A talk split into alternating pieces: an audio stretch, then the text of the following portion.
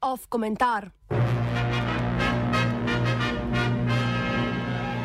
Dežela svobodnih, dom pogumnih, Avstralija.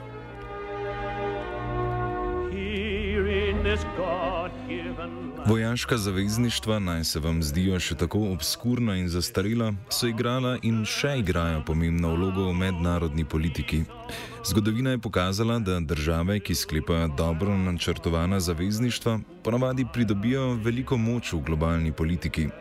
Z dogovori in zavezništvi, svojimi kolonijami in nekaterimi staroseljskimi plemeni je Velika Britanija uspela slabo stoletje nadzirati okrog četrtino svetovnega ozemlja. ZDA so po zmagi v drugi svetovni vojni in sklepanju paktov z državami vseh kontinentov zgradile trenutno največje vojaško zavezništvo NATO in si priborile mesto najvplivnejše države v drugi polovici 20. stoletja.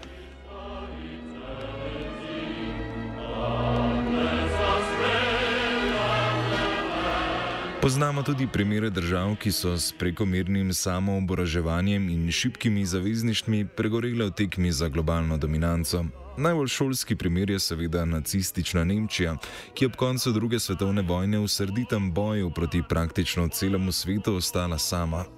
Vojaški pakt, o katerem bo govora v nadaljevanju, je OX, v zadnjem tednu ena najodmevnejših tematik v mednarodni politiki. OX je trilateralni varnostni pakt med državami, ki tudi sestavljajo njegovo poimenovanje. A za Avstralijo, UK za Združeno kraljestvo in US za Združene države Amerike.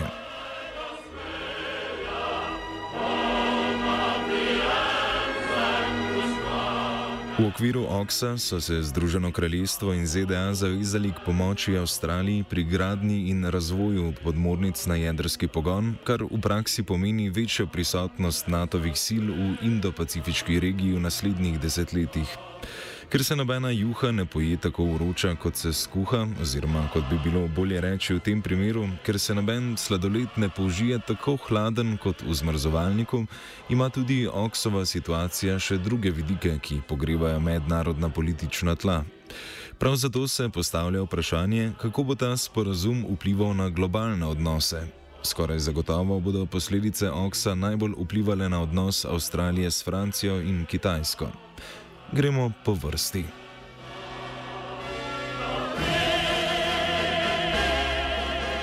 Preden so voditelji treh podpisnic OXA zadnjo sredo javnost obvestili o njegovi veljavnosti, je bila Avstralija sredi sodelovanja s francoskim proizvajalcem vojaških podmornic imenovanim Naval Group, ki je za avstralsko vojsko razvijal novo generacijo podmornic. Vse od leta 2009 v Avstraliji namreč poteka debata o krpanju šibkih točk v avstralski kraljevi mornarici, Rešitev, ki jo je takratni laboristični premijer Kevin Rudd predstavil na papirju, je bila izdelava 12 superiornih podmornic razreda Atek, ki bi nadomestile dotrajane podmornice razreda Collins. Odgovor na vprašanje izpeljave tako obsežnega vložka v vojaško industrijo so avstralske vlade iskale sedem let. Leta 2016 je premijer Malcolm Turnbull podpisal 55 milijard evrov vredno pogodbo s preomenjenim francoskim Naval Groupom, ki je do podpisa OXA sicer številnimi zamudami razvijal 12 najnaprednejših vojaških podmornic.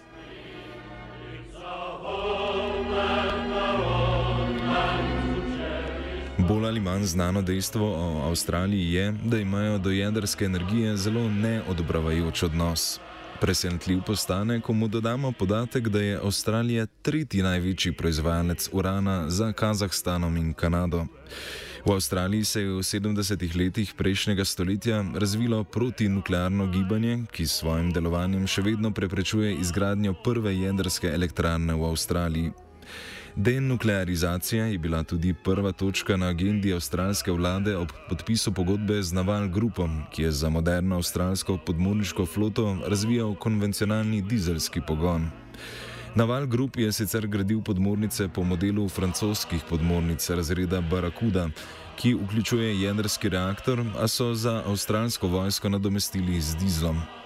O podpisu OXA in posledični prekinitvi sodelovanja z Naval grupom je francosko vlado poleg ustavitve več deset milijardnega projekta zmotilo tudi to, da je Avstralija spremenila mnenje o pogonu svojih novih podmornic. Ta bo po smernicah OXA namreč jedrski, izdelovali pa ga boste lastnici trenutno najnaprednejših jedrskih podmornic ZDA in Združeno kraljestvo.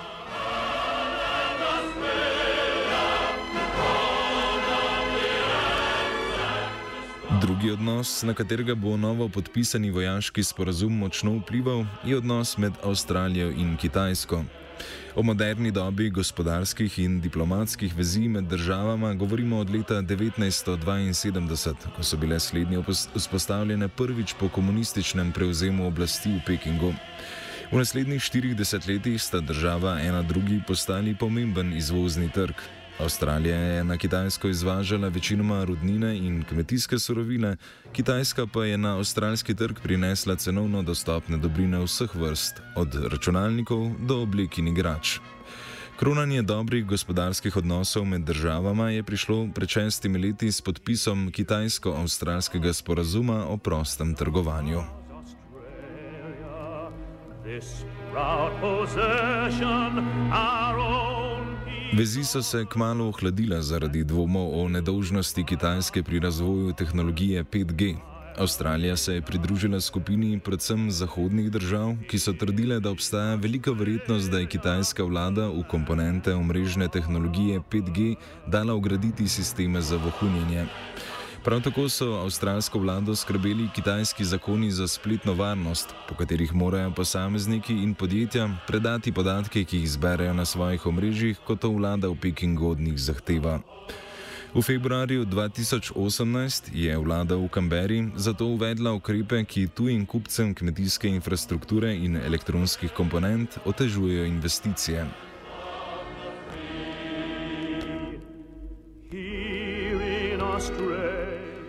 V času korona krize se je poglobila tudi politična kriza med državama.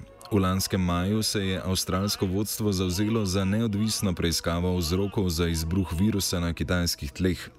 V naslednjem letu so sledile avstralske sankcije proti Kitajski, ki so posledica tako hladnih kitajsko-ameriških odnosov, kot tudi avstralskega nasprotovanja kitajski zonani politiki v Hongkongu in Tajvanu.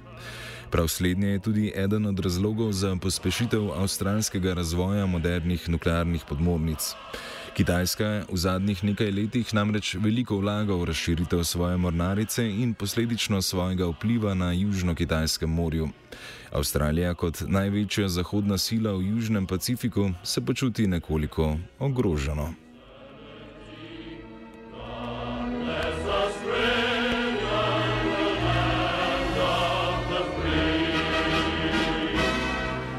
Kaj imata od pakta ostali podpisnici? ZDA bodo po smernicah OXA lahko povečale svojo vojaško prisotnost v Avstraliji in posledično v Južnem Pacifiku. Pakt prav tako predvideva izboljšanje kibernetskih zmožnosti in razvoj na področju umetne inteligence vseh treh zaveznic. S tem ZDA želijo zavirati kitajski načrt prevzema vodilne vloge na področju umetne inteligence do leta 2030. Združeno kraljestvo pa se po brexitu navaja na življenje zunaj Unije, zato išče druge gospodarske partnerje in poslovne priložnosti.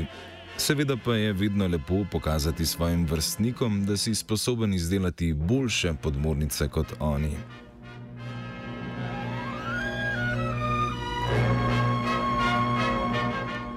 Podpis Oksa je še zelo svež in države se na njega šele začenjajo odzivati. Resnični pomen zavezništva bo znan v bližnji do zmerno daljši prihodnosti. Iz preteklosti je jasno, da se na dolgi rok oboraževalne tekme ne obrestujejo nobeni strani. Kitajska si izgradnjo jedrske mornarice in agresivno politiko v Južno-Kitajskem morju ne bo ustvarila mnogo prijateljstv. Avstralija pa z gradnjo podmornic in suspendiranjem pogodb s partnerji iz EU-ja situacije ne umirja in ohlaja odnose z Evropsko unijo. Off